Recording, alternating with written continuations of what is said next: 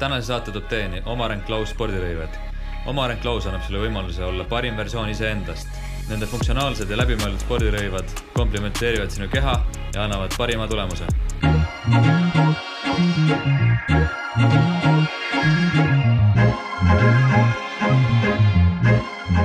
eetris on Hackvertising, podcast kõigile ettevõtjatele ja turundajatele täna on meil külas kõikide väikeinvestorite linnaIF ja eeskuju iidol Jaak Roosaare, tervist. tervist. mina olen saatejuht Einar Tiimla ja räägime siis täna natukene Jaaguga juttu, küsin mõned äh, huvitavad küsimused tema äridest, investeerimistest ja elust. Ähm, ise ma kunagi olen lugenud sinu raamatut Rikkaks saamise õpik, äh, kui ma tulin tagasi Austraaliast, see oli siis aasta kaks tuhat kolmteist ja, ja pärast seda olen näinud sind päris palju igal pool äh, esinemas rääkimas. pärast seda oled ka palju raamatuid veel välja andnud. Tean, et oled äh, pereisa, sul on kolm last äh,, sõidad ratast, pead blogi, sul on mentorlusprogramm, et sa teed päris palju erinevaid asju. ja, ja ma tean, et ise ka omast käest, et see pole lihtne. aga ma olen alati seda imeks pannud, et sa oled väga äh, moodest või väga nagu tagasihoidlik enda saavutustega et äh, kuidas sul see niimoodi välja tuleb mm,? Ma ise olen just pigem vastupidi tundnud, et äh, peaks blogis natuke maha keerama oma isiklikest, isiklikest asjadest rääkimisest. aga mm, kui sa küsid, et kuidas nii paljusid asju tee, teen, et siis ähm, iga asi on tulnud nagu lisaks eelnevatele. ja ma võib-olla ühtegi nendest ei tee nagu täiskohaga või väga-väga hästi. et ma arvan, et elus laias laastus on vaja teha valik, et kas sa teed ühte asja väga-väga hästi või sa teed siis paljusid asju keskpäraselt, et mina olen kuidagi valinud selle paljusid asju keskpäraselt tee.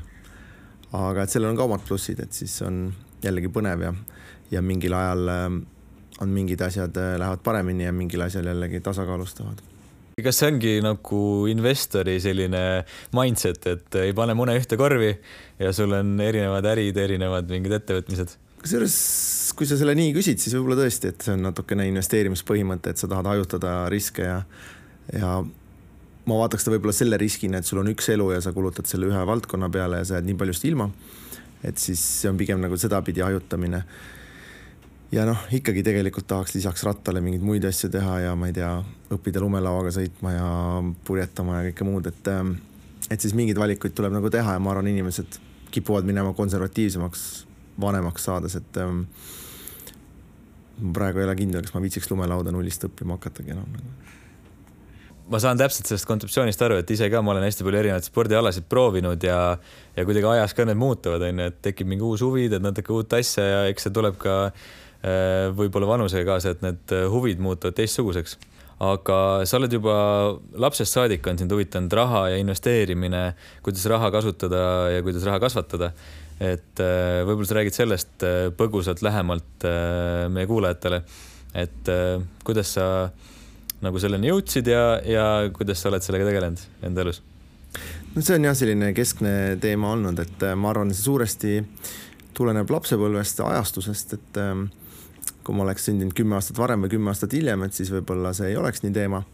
aga mina sündisin siis kaheksakümmend kaks ja olin siis selline kümneaastane, kui tormilised ajad Eesti Vabariigis toimusid, kui tekkis või taastekkis Eesti Vabariik ja ja ma kuskil seal rikkaks saamise õpikus vist kirjutasin ka, et selline põnev, põnev võimalus on olnud, et äh, oled saanud nagu mitmel sajandil elada ja ma olen nagu saanud käes hoida kolm erinevat raha, mis siin riigis on kehtinud, et äh, kui ma väike olin, see oli rubla, siis oli kroon ja nüüd on euro.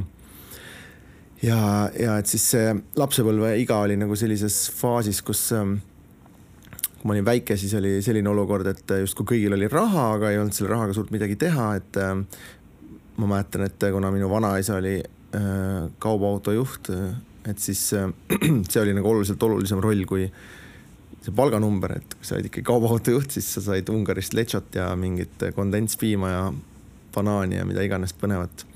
et ma olin Elvas ikka üle tänava poiss tänu sellele ähm, ja siis, siis tuli järsku selline hetk, kus äh, kellelgi ei olnud raha, aga järsku oli võimalik kõike osta raha eest, et ähm, valuutapoed olid, mul on nagu hästi selgelt meeles, et ähm, see oli vist ikkagi enne krooni, äh, et seal päris rubla aja lõpus, kui rubla hästi kiiresti devalveerus, et siis äh, päris poodides ei olnud üldse enam võimalik midagi eriti osta. aga valuutapoed olid siis täis sellist kaupa, mida muidu sa olid ainult äh, noh, ma ei tea, Pro7-s näinud, on ju, et ja, ja siis ähm, võib-olla sealt tuligi see mõte, et miks siis nii on, et Eestis kuidagi ei ole inimestel neid võimalusi, mis siis justkui Saksa telekanalite pealt oli võimalik näha, et teistes riikides on ja, ja, ja üldse see majandus selline nagu tekkis nullist, et äh, enne sellist ettevõtlust kui ametit ei olnudki olemas Eestis on ju, et, ähm, et see kõik tundus väga põnev. ja ma arvan, et igal inimesel tegelikult on selline, ma ei ütle, et see on sündi, sündi, sündimisest kaasa antud, aga väiksest lapsepõlvest kaasa antud mingi kirg mingi valdkonna või teema vastu, et äh, et see on suur õnn seda võimalikult varakult üles leida ja ma arvan, et minu jaoks selline raha, raha kogumine, nii nagu marke võib koguda või midagi muud, on olnud selline suur kirg. Need äh, inimesed, kes ei ole, võib-olla ei võta seda õnnistusena, et selline aeg oli või on sündinud hiljem või varem, et äh, mis sa neile ütleksid, kes tahaksid praegu alustada ja tahaksid ka hakata investeerima või enda rahaasjadega tegelema? Sa mõtled õnnistusena, et neil ei olnud sellist äh, rasket lapsepõlve. just, just selliseid kogemusi. oleks mälestus, kuidas jäätiselt kukub pall ära ja terve pere nutab selle peale. et äh, pingviinijäätist mäletan, jah. et äh, ma arvan, tegelikult tänapäeval on ju palju lihtsam äh, alustada, et võib-olla seda kirge on vähem, aga see on nagu omaette filosoofiline küsimus, et kas sa tahad, et sul selline nii-öelda valu või ebameeldivast tundest tekkinud kirg oleks, et äh, et võib-olla on väga okei okay ilma selleta ka investeerida. et muidu on ju see, et osta endale numbrid väiksed kossid, siis õhtul võtad jalast ära, on nagu hästi suur rõõm. et võib-olla nii sellist motivatsiooni polegi vaja. aga tehniliselt on ju tänapäeval kõik kirjandus olemas. enne kui me siin istusime, põhimõtteliselt ostsin ajaviiteks null koma null null üks Bitcoini on ju samal ajal, kui sa vett valasid, et sa saad nagu seda investeerimist teha nii, et keegi ei pane tähelegi mobiiltelefonist kuskil vetsupotil või trammis istudes, et ähm, et see on nii palju lihtsamaks läinud, et praegu ma arvan, ähm, kindlasti on lihtsam alustada. ma tahtsingi selle kohta küsida lähemalt, et äh, mis on muutunud selle aja jooksul investeerimises, kui sina sellega tegelenud oled? mina alustasin, äh, kui me aktsiatest näiteks räägime, siis keskkooli ajal, ma arvan, mingi kümnes klass. ja siis äh, päris esimesed tehingud olid vist isegi enne, kui internetipank oli levinud, et siis ma mäletan, ma arvan, et mingid paar esimest tehingut ma tegingi nii, et pidin nagu päris füüsilises pangakontoris kohal käima. aga siis, kuna ma, meil keskkoolis oli tiigrihüpe ja oli internet olemas, et siis äh, see käis nii, et äh, vahetunni ajal pidid pidid kõigepealt endale arvuti sebima sealt äh, kätte saama ja siis sisse logima, võitlema välja, siis sisse logima ja siis siis tegelikult oli ikka see otsu, ostuprotsess suhteliselt sarnane nagu täna on ju, et valid seal Ripmeni aktsia aga lihtsalt teenustasud olid suuremad ja, ja minu meelest oli ka haldustasu ja kõik muu. pluss siis valik oli väiksem, et äh, ma arvan, et äh, tollal vist äh, mina kasutasin SEB-d ja siis seal oli vist ikkagi saadaval ainult nagu Eesti aktsiad. et praegu võtad telefonist äh, USA ükskõik milline aktsia on ju. ma ei saa öelda, et suvalise äpi, aga, aga neid äppe vist on juba omajagu tekkinud jah, kus sa saad osta nagu või kaubelda teenustasudeta, et mm -hmm. läheb järjest lihtsamaks. kas sa ise soovitad ka mõnda äppi või äh, platvormi, kus kohas äh, võiks osta aktsiaid? ma ise olen LHV fänn olnud äh, algusest peale, et, et ma olin seal foorumis üks esimesi kasutajaid kunagi ammu-ammu ja, ja kui LHV alustas, nad selle foorumi ostsid tegelikult ära, mis ei olnud nende all alguses, aga Ah, see selleks, aga et LHV-s jah, ma arvan, et on selline hea suhtumine investeerimisse. Ja siis äh, keda rohkem huvitavad siis ähm, kauplemine ja krüptovarad, et varad, et siis äh, Change on selline uus Eesti startup, kes ähm, üritab teha siis Robinhoodi laadset toodet äh, Euroopa Liidule. Ja siis investeerid krüptorahadesse nii-öelda sentidesse?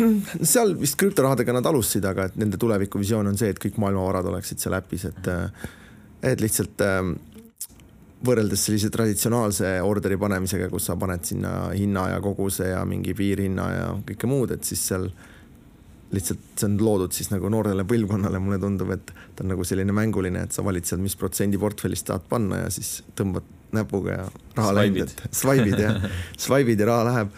et ähm, et äh, tundub, et sellised nooremad investorid praegu ruulivad, et ähm, Robin Hood ja tema kompanjonid. Ma tean, et äh, sa investeerid veel erinevatesse kohtadesse ja tegeled muude äridega samamoodi, et sul on kinnisvaraäri on ju ja ja sa teed raamatuid ja, ja käid ja annad koolitusi pluss mentorlus. et äh, kuidas nende teiste asjadega on ja, ja kuidas sa valid üldse, millist äri teha? nagu me alguses rääkisime ka, et mul ongi sattunud kuidagi selline elusaatus, et, ähm, et on palju erinevaid asju, kus ma kusagil ei ole nagu täie fookusega. ja sellest tulenevalt äh, ei ole üheski valdkonnas nii häid tulemusi saavutanud kui see inimene, kes seal täie fookusega töötab. aga et mulle iseenesest meeldib selline mudel. et siis mul on jah äh, osalus äh, kahes sellises kinnisvara arendusfirmas. üks on siis Scandium kinnisvara, kes meil siinsamas kõrvalmajas tegutseb ja, ja teine on Everaus kinnisvara, kes siis arendab äh, selliseid elukeskkondi ja ärihooneid rohkem Rae vallas ja sealkandis. ja siis on mul äh, neli ettevõtet, kus ma olen nagu väikeosanik, kellel on siis kõigil mingi üüriportfell ähm,. kümme korterit siin ja kakskümmend korterit seal, et, äh, et see on siis kõik sõprade ja erinevate äripartneritega tehtud ja nad on kõik siis niimoodi alguse saanud, et äh, on mingi projekt ja sinna on raha vaja ja siis kaks, kolm, neli, viis sõpra kokku tulnud ja viimane ettevõte meil on kümne sõbraga, nii et see on juba sihuke suurem punt äh,. aga nad toimetavad suhteliselt ise, et, et seal on üks haldur ja üks raamatupidaja ja siis meie saame korra aastas teeme nagu üldkoosoleku. ja siis ma olen jah, selle kirjastamisega toimetanud, et äh, see rikkaks saamise õpik vist tuligi kaks tuhat kolmteist välja, ma arvan siis umbes seitse-kaheksa aastat tagasi. ja et see oli ka selline hobiprojekt alguses, aga lihtsalt tundus põnev ja vaadates neid raha, rahalist poolt, et siis tundus nagu hästi tark ise see kirjastada. ja tundus põnev ka see pool. et siis ma olen sellega nagu niimoodi ka hästi poole kohaga tegelenud abiliste abil mm.. aga mille järgi sa otsustad, et eh, milles sa kaasa lööd siis, millises äris? no ma olen olnud sihuke yes man, et kui midagi lauale tuleb ja enam-vähem normaalne diil on, siis ma olen pigem jah öelnud. eelmine aasta ma tundsin esimest korda, et äh, lugesin sellist raamatut nagu See üks asi äh, Kellerilt, mis hea raamat ja, et sealt jääb hästi kõlama see, et kui sa tegelikult millegile jah ütled, et siis sa tegelikult ikkagi samal ajal pead millegile ei ütlema või kui sa teadlikult seda ei tee, siis sa teed nagu mitteteadlikult, on ju. ja siis ma tundsin, et see ei kippus olema siis nagu sellisele organiseeritud spordile või mingile mm, nagu kvaliteet vaba ajale või mm. -hmm. et siis, ähm, et nüüd ma olen ja ma ei ole seda veel suutnud teha, aga ma olen vähemalt mõelnud selle peale, et peaks tegema. et, äh, et kui mingi uus asi lauale tuleb, et siis ma peaksin kõigepealt vaatama neid olemasolevaid asju selle pilguga, et mille ma nüüd siis justkui vähemaks lõikan või ära annan. et ei võtaks vaba aja arvelt seda või siukse spordi tegemise ja muu arvelt? ja noh, ma olen küll selles mõttes olnud selline, et ma olen nagu enamus projektid, ma olen sinna läinud nagu rahaga, mitte ajaga, et mm, -hmm. et mulle hästi meeldib see mõtteviis, et ähm, sul on nagu kaks ressurssi, sul on aeg ja sul on raha. Ja kui me alustame tavaliselt, siis meil on rohkem aega kui raha, on ju, ja ideaalis sa jõuad sinna välja, et sul on raha rohkem kui aega ja siis raha on noh, nagu läbi raha sa võid olla paljudes ettevõtetes osaline, et kui mul on Apple'i aktsiaid või ma ei tea, mul on kümme protsenti mingist ettevõttest, on ju. ma olen seal passiivne osanik, et siis äh, tegelikult see minu aega kui sellist väga ei kuluta. küll aga ta ikkagi võib kulutada su fookust. eriti kui sa ei ole nagu mitte Apple'i aktsionär, aga mingis ähm, ettevõttes viieteist protsendi või kümne protsendiga osanik, on ju. et varem ma selle peale ei mõelnud, et see fookus on ka nagu ressurss. et ta otseselt ei ole isegi niivõrd aeg, kuivõrd lihtsalt see, et sa vahest mõtled selle peale ja, ja tõmbab nagu fookuse kinni et ma tunnen, et kui sul on korraga liiga palju asju laual. Eh, et siis minu sihuke standardlahendus on see, et ma ühegagi neist ei tegele, lähen rattaga sõitma hoopis aga rattaga oled sa kaua sõitnud juba? See on ka natuke üle promotud, ega ma nüüd mingi eriline rattamees selles mõttes ei ole, et ma kuskil võistleks või nii, aga ma vist kaks tuhat kümme jah, mul oli selline olukord, et mul oli laps sündinud, esimene laps ja ja ta oli seal mingi kuni natuke alla aasta ja siis äh, võib-olla enne seda olin päris palju juurde võtnud, aga selle lapse ajaga võtsin veel eriti hästi juurde, et siis äh, mingi sada kümme kilo kaalu, siis mõtlesin, nats palju. ja siis äh, ratas tundus sihuke tore spordiala, et joosta ei jaksanud, on ju, et äh, midagi nagu teha ja siis ma käisin Viljandis mingi rattamaratonil esimest korda. et muidu eelmine ratas enne seda oli mul vereliukas nagu lapsepõlvest.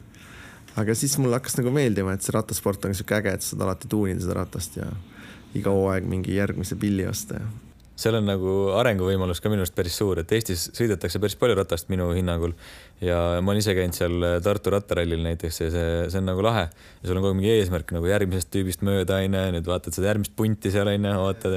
ma alustasin jah nagu seal metsasõitudega ja siis mingi hetk, ma ei olnud kunagi nagu maanteed sõitnud isegi ja siis mingi hetk vist oligi nii, et me panime kõigepealt ennast, mul oli mingi nagu ah,, mul oli mõned aastad tagasi hästi pakkus huvi see Tour de France, Lance Armstrong, noh, rohkem kui mõned vist, mingi kümme aastat tagasi mm. -hmm. siis, kui seal Jaan Kirsipuu sõitis ja yeah. kõva värk, et see oli huvitav, et ma olin siis Prantsusmaal sealsamas linnas, kus Kirsipuu võitis, aga siis ma veel ei huvitunud rattaspordist ja ma ei viitsinud minna vaatama nagu, sihuke kord elus võimalus aga paar aastat hiljem jah, et siis ma hakkasin seda vaatama ja ma sidusin, siis ma müüsin ise raamatuid ja ma sidusin seda nagu hästi raamatumüügiga, et see oli sihuke sa valmistud üheks selleks võistluseks terve hooaja on ju ja siis see on hästi sihuke all in ja raske ja nii edasi. et see oli sihuke inspireeriv kogu see Lance'i teema mm. -hmm. Tyler Hamilton oli teine, keda suur fänn ma olin. ja, ja siis mul oligi üks bucket list'i asi, et tahaks käia seda Tour de France'i vaatamas. ja siis ma avastasin, et on sihuke asi nagu rahva Tour de France'i sõit, see etapp de Tour. ja siis ähm, ma olen seal vist nüüd kolm või neli korda käinud. et kui ma esimest korda sinna läksin, siis ma ei olnudki väga maanteed sõitnud, et oli päris sihuke põnev seiklus aga jah, nüüd on meil sihuke oma punt, et me ikka päris palju sõidame, et mul oli kaks aastat tagasi oli eesmärk kümme tuhat kilomeetrit sõita, et siis too aasta oli küll nii, et ma nagu päris palju aega panin rattasse mm.. no peabki panema minu arust, et seal vist tasemel olla, siis äh, pead talvel ja suvel kogu aeg sõitma onju, et. ja iga kord, kui ma seal stardis olen, siis ma jälle mõtlen, et kurat, oleks pidanud ikkagi kümme-viisteist kilo alla võtma ja natuke rohkem trenni tegema, sured seal tõusu peal, aga jah, siis see valu läheb jälle meelest ära aasta jooksul siis uuel aastal oled jälle stardis, mõtted samamoodi. aga lugesin blogist sul, et äh, kaks tuhat kakskümmend tahtsid ka minna Niitsasse. jah, see koroona keeras kinni selle, et äh, lükati algus edasi ja siis jäeti üldse ära, aga et nüüd see pilet kandus siis sellesse suvesse, et. Et siis äh, meil on see majutus jäi ka alles, et seal ka raha tagasi ei saanud, et siis me see suvi plaanime minna, et no, see on ka halb, see on samal ajal kui see investeerimisfestival, et nad iga ai. aasta kattuvad. aga eelmine aasta ma sain siis seal investeerimisfestivalil käia samal ajal käisin ise ka ja väga kiidan seda üritust ja ettevõtmist ja ma loodan, et järgmine aasta on jälle rohkem inimesi seal et.... kumba siis, sõitu või? investeerimisfestivali. ja, ja oi, seal pidi juba praegu palju huvilisi olema. ja mind kutsuti esinema sinna ka, aga et see on ju samal ajal kui see rattaralli. no siis teed äh, ratta seljast. ja, ja Zoomi, Zoomi ette kui me investeerimisest räägime, siis äh, sa rääkisid ka, sul on erinevad ärid, mis on ka tegelikult ju investeeringute läbi tulnud, on ju, et sa investeerid ühte kohta, on ju, sul on natukene anda sinna siis raha et saaks mingit äri ajada, et mille järgi äh, äh, nagu teised inimesed peaksid otsustama siis, kui nad, täna tuleb mingi pakkumine ja sina ütlesid, et sa enam võib-olla ei ütle nii palju jah, et, äh, et mis kriteeriume peaks järgima, et kas ütled jah või ei, et et kas see on ainult mingi fookus, mis sul sinna läheb või kas sa pead analüüsima mingeid muid asju ka? ma arvan, kui keegi alustab, et siis ikkagi parim äh, koht, ma arvan, on selline oma äri ehitamine või mingi oma brändi ehitamine või oma mingi rahavoo ehitamine. et noh tegelikult ka nii palju muutujaid või küsimusi, aga et ähm, võib-olla esimene küsimus ongi see, et miks sa üldse investeerid, et kui sul on selline mõte, et ma teen mingit tööd või mul on mingi amet, mis mulle väga meeldib ja ma katan oma elamiskulud ära, mul jääb iga kuu seal kümme, viisteist, kakskümmend protsenti kõrvale ja tahaks selle raha lihtsalt passiivselt kuhugi ära panna, et oleks normaalne pension on ju, et, et siis on, siis ei ole vast mõtet nagu mingi oma äri ja sellega tegeleda, et siis pigem pane indeksfondi raha ja ära üldse üle mõtle seda investeerimist. Aga et kes tahab siis mingit suuremat tootlust saada, et siis ähm, ma arvan, kõige lihtsam viis seda saada ongi läbi mingi oma ettevõtte, et seal on ju nagu laias laastus sellised lõputud tootlused, et ega sa väga palju raha sinna sisse ei pane, et sa pigem ilmselt paned mingit aega või energiat või mm -hmm. on aeg, on raha ja ah, jebla faktor oli see vist ja, ja jebla faktor, et ta ei ole otseselt nagu aeg ka. et äh, aga ta on nagu üks komponent, et äh, et siis, äh, kui sa alustad, siis sa pead mõtlema, et millist nendest kolmest sul nagu on et näiteks kinnisvaras, kui sa tahad saada hästi kõrget tootlust, sa võtad mingi neljatoalise korteri, üürid, üürid tubade kaupa välja, jebla faktor on hästi suur, onju. Äh, aga tootlus on ka siis kõrgem. ja, aga et kes passiivselt tahab investeerida, et siis ikkagi vist, ma olin muidu hästi pikalt ühisrahastuse fänn, aga see aasta on olnud sihuke raske aeg seal, et ähm, et seal on päris paljud projektid õhku lennanud ja ikkagi sellist nagu huvide konflikti on välja tulnud sealt omajagu, et siis äh, võib-olla sellised äh, aktsiad või kasvuaktsiad, et sa no ma lihtsalt vaatan oma minevikku, lugesin seda esimest rikkaks saamise õpikut, et seal on Apple'i näidet toodud, on ju, et, et sa lihtsalt sõidad mingi sellises teada-tuntud suure brändiga kaasa, et ähm, ja, ja seal on üks hea põhimõte see, et lihtsalt kui sa oled ise ka selline, mina kahjuks ei ole, aga kui sa oled selline avangardistlik või eesrindlik tarbija, on ju, et sulle meeldivad uued asjad mm, -hmm. et siis võib-olla kõige lihtsam ongi see, et sa vaatad oma, oma tarbimisharjumused üle, ma vaataks eriti sellise pilguga, kellele sa iga kuu maksad ja siis äh, ostaks neid aktsiaid ja rohkem ei stressaks, et et mina nagu Netflixiga liitusin mingi kuu aega tagasi onju, praegu vaatan, et mida äge toode onju, et äh, et praegu isegi mõtlesin, et võib-olla peaks ikka aktsiaid ostma, aga noh, see rong on juba nagu päris vana rong onju ähm,. aga, aga kui ma mõtlen. võib-olla kasvab veel. võib-olla veel kasvab jah, et võib-olla on veel minusuguseid, kes hiljem liituvad, et noh, enamus neid ettevõtteid, mis sulle pakuvad selliseid kuumaksuga teenuseid, on on nagu börsil saadaval on ju, ja nad on sellised kasvavad reeglina, et, et mul endal näiteks Adobe on üks niisugune noh, et Apple läks äh, käest ära, et ei ostnud õigel ajal ja siis müüsin kevadel maha, aga Adobe on niisugune, et äh, selles mõttes põnev lugu, et mul abikaasa on graafiline disainer, Adobe'it kasutanud terve elu, onju noh, ma arvan, teil ka vist, kui te mingit asja teete, siis just, Adobe, Adobe on, on olemas, on ju, et ta on nagu peaaegu sihuke legaalne monopol on ju, et seal mm -hmm. kõrval väga, kunagi oli Corel Draw vist ka, aga ta on ära hajunud. nüüd uutel asjadel tuleb seal mingi veebidisainidele ja muule tulevad siuksed uued programmid, aga muidu Adobe on ikkagi A ja O. jah, ja et siis ta oli nii, et mul oli kogu aeg abikaasal piraattarkvara kunagi tuuri pandud sealt eelmisest mm -hmm. töökohast ja siis kaks tuhat kaksteist enam ei töötanud, et seal nagu mindi veebi peale ära või selle pilve peale. jah et see oli sihuke noh, no-brainer, ma ei tea, miks ma ei ostnud seda siis. ja siis mitu aastat abikaasa kurtis, et kurat, et need piraadid enam nii hästi ei tööta, et nüüd peaks ära vahetama ja siis nüüd kaks või kolm aastat oleme maksnud iga kuu seda. ja ikka ma ei ostnud seda aktsiat, et ma lõpuks ostsin seda alles mingi paar kuud tagasi, murdusin. aga et see tundub jah selline ja põhjus, miks ma ei ole ostnud, on see, et nad tunduvad alati kallid, sellepärast et nad on head ettevõtted, on ju mm, -hmm. et. Mhm. et juba on kallis. ja Apple on praegu sada nelikümmend, ma just vaatasin oma blogiposti, lugesin aastast kaks tuhat kuus. Äh, Apple oli siis maksis noh, kui sa split arvutad, siis maksis kaks dollarit on ju, ehk siis seitsmekümnekordne kasv on olnud. kirjutasin, et kurat, nii kallis, B on mingi kolmkümmend kuus, et, et ikkagi mull ja mm. sihuke jutt on ju et siis äh, loed ja mõtled, et kõik see sebimine ja ebimine, mis vahepeal teinud on, on ju neliteist aastat, et oleks võinud lihtsalt kogu raha sinna pista ja seitsmekümnekordistunud, ma arvan, mul oli kaks tuhat kuus mingi paarsada tuhat krooni, et oleks korda seitsekümmend.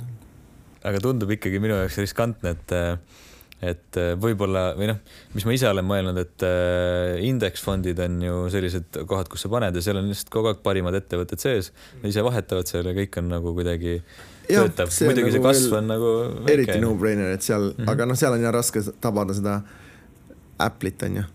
Äh, kuigi seal Apple on sees ja järjest kasvab, aga aga võib-olla sihuke hea miks ongi see, et sul istub pensioni teine-kolmas sammas indeksfondides, minul istub ja siis mul on USA-st veel eelmisest töökohast selline profit sharing ka, mis istub SB viiesajas.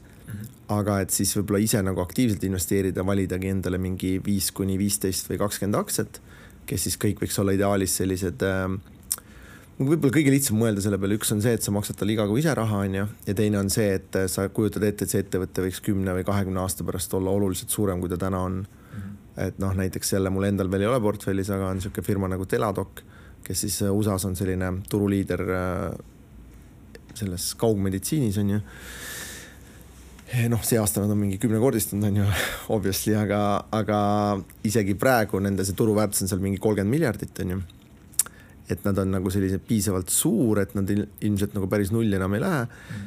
ja samal ajal see turg võiks olla nagu kordades suurem, on ju, et et kui ma mõtlen kümne või kahekümne aasta pärast, et siis tundub suht jabur, et ma ei tea, ma lähen reaalselt füüsiliselt arsti juurde mingit oma sünnimärki näitama või midagi onju. et äh, jah see valdkond areneb ka päris kiiresti praegu, et noh, mõned valdkonnad on vist praegu, mis väga-väga kähku lähevad ja mis on kuidagi populaarsed saanud just koroona ajal ka onju ja noh, seal on alati see oht on ju, et sa nagu, kui mobiili, seda Apple'i näidet vaatad, on ju, et siis seal oli ju Motorola, Blackberry, ma ei tea, keegi äh,, mingi prantsuse firma, Alcatel vist, kõik olid nagu suuremad kui Apple mm. -hmm. Ähm, et siis seal on alati see oht, et tuleb mingi uus tegija ja reformib selle turu ära, jah. aga kuidagi peab leidma need õiged brändid, et äh, enne Apple'it tegelikult, mis oli väga kõva bränd, sarnase nagu imagoga oli Sony tegelikult, kes kogu aeg innovatsiooni tegi, kogu aeg tuli uute asjadega välja ja siis oli mingi Switch, järsku oli Apple. aga see on nii huvitav, et ma, et Sony on nagu hästi aeglane olnud, aga ma arvan, et kui sa vaatad seda Sony aktsiagraafikut seal mingi viimased paarkümmend aastat, et et ta küll ilmselt ei ole nii kõva kui Apple olnud, on ju, seda kindlasti ei ole, aga et samas neil see Playstationi business on ikkagi kõva olnud, et ma arvan, et see on ka ikkagi päris hea investeering olnud. Sest ma just panen kokku seda aktsiaraamatu uut versiooni ja siis äh, nagu update in neid äh, andmeid ka. Ja siis äh, Morningstaris on sihuke huvitav tabel, et saad iga firma nagu track record'it mingi viis, kümme, viisteist aastat nagu, et mis see nende keskmine aasta tootlus on. ja Apple'il oli seal kakskümmend viis prossa, viisteist aastat ja aga mis huvitav oli, et kogu see sektor, consumer electronics on ju, ehk siis tarbeelektroonika või et selle sektori aasta keskmine tootlus kahekümne nelja või tähendab viieteist aasta peale oli kakskümmend kolm koma üheksa ehk kakskümmend neli protsenti on ju, terve sektor. ehk siis nagu viisteist aastat tagasi mõtlesin, et okei okay,, mis võiks olla kõva sektor on ju, no ilmselt ma ei tea, arvutid, läpparid, consumer electronics on ju. et seal ilmselt on ka mingi indeks, kuhu sa võisid raha panna, et ähm, et noh, võib-olla midagi sarnast mõelda, et okei okay,, nüüd, mis meil järgmised kakskümmend aastat võiks olla mingi e-meditsiin, geneetika on ju, midagi säärast ma tahtsingi öelda, et tehnoloogiafirmade aktsia on olemas ju või see indeks on olemas mingi. ja neil kõigil on mingid ja. indeksid tehtud, et, et jah, aga noh, jällegi see ongi see, et seal kipub olema see mure, et sa tavaliselt nii-öelda meiesugused mitteprofessionaalid jõuavad sinna siis, kui see trend on juba nagu juba piikimas on ju ja siis tavaliselt käib mingi jõnks ja seal jõnksus on see, kus sa hirmuga välja müüd, on ju, kuigi pikaajaliselt on sul õigus, et, et Amazon on nagu hea näide, et seal ju jällegi ma just seal loen mingit paari raamatut, mis mul, millest ma kokkuvõtet kirjutan sinna aktsiaraamatusse, et seal oli üheksakümne kuuenda aasta raamat, kus siis räägib Amazonist, Amazon oli vist kuus miljardit siis väärt, on ju. et seal oli nagu tehtud, et kui ta saab kolmkümmend prossa e e sellest muusika, plaadi ja raamatuturust USA-s, et siis ta võiks turuväärtus kakskümmend miljardit olla, on ju, aastaks kaks tuhat kümme. ja, ja siis ta läks ju vist mingi saja miljardini, üheksakümmend üheksa ja siis kukkus sealt, minu arust aktsia kukkus saja kahekümne pealt vist viie peale, midagi säärast on ju, vist korralik crash yeah ja ma arvan, enamus oleks nagu hirmuga välja müünud ennast onju, ilmselt müüsid ka, aga tegelikult oli isegi see, kui sa seal kõige lõpus paadile hüppasid onju, noh üheksakümmend üheksa kõik teadsid, Amazon on nagu megadiil onju mm. -hmm. et see aktsia on nagu nii palju rallis. ikka veel. Ja et siis tegelikult sa pikaajaliselt ikka võitsid onju, et äh, ta nüüd ei ole sellest saadik splitti teinud, aga praegu ta on mingi kolm pool tuhat järsku mm -hmm., et siis isegi kui seal üld nagu üübertipus ostsid saja kahekümnega ja suutsid teda nagu läbi selle krahhi hoida, võib-olla isegi juurde osta onju mm. -hmm et, et veel võib-olla pigem see, see on sihuke uus muutus, mis mul on olnud viimase paari aastaga võrreldes selle eelmise versiooniga sellest äh, aktsiaraamatust, mis viis aastat tagasi oli, et seal oli hästi selline analüütiline ja dividendide ja selline konservatiivne fookus. Äh, et siis nüüd ma olen nagu rahva tungival soovil sinna juurde pannud sellist äh, pigem nagu siis kasvu investeerimist ja sellist, et tegelikult, kui sa mingitesse kasvufirmadesse investeerid, siis on suht mõttetu analüüsida neid B-suhteid ja üldse kogu mingit valuation'it või sellist eh, numbrit, et ta tundub sulle alati ülehinnatud, on ju. ja, ja siis tegelikult seal üks äh, investor, kelle asju ma loen, et seal temal oli nii, et oli viis punkti, milliseid aktsiaid valida, üks punkt oli number neli oli see, et meedia peab seda firmat nagu naeruvääristama, et on ülehinnatud, on ju, et noh, stiilis nagu Tesla kohta aastaid räägitud, on ju mm, -hmm. ja Amazon seal üheksakümmend üheksa, üheksakümmend kaheksa kogu aeg oli ülehinnatud, on ju. just, just. et, et see on tegelikult nagu üks pigem hea argument, kui selle, kui sa vaatad, et on mm. ülehinnatud, et siis järelikult on seal piisavalt kasvuruumi veel ees.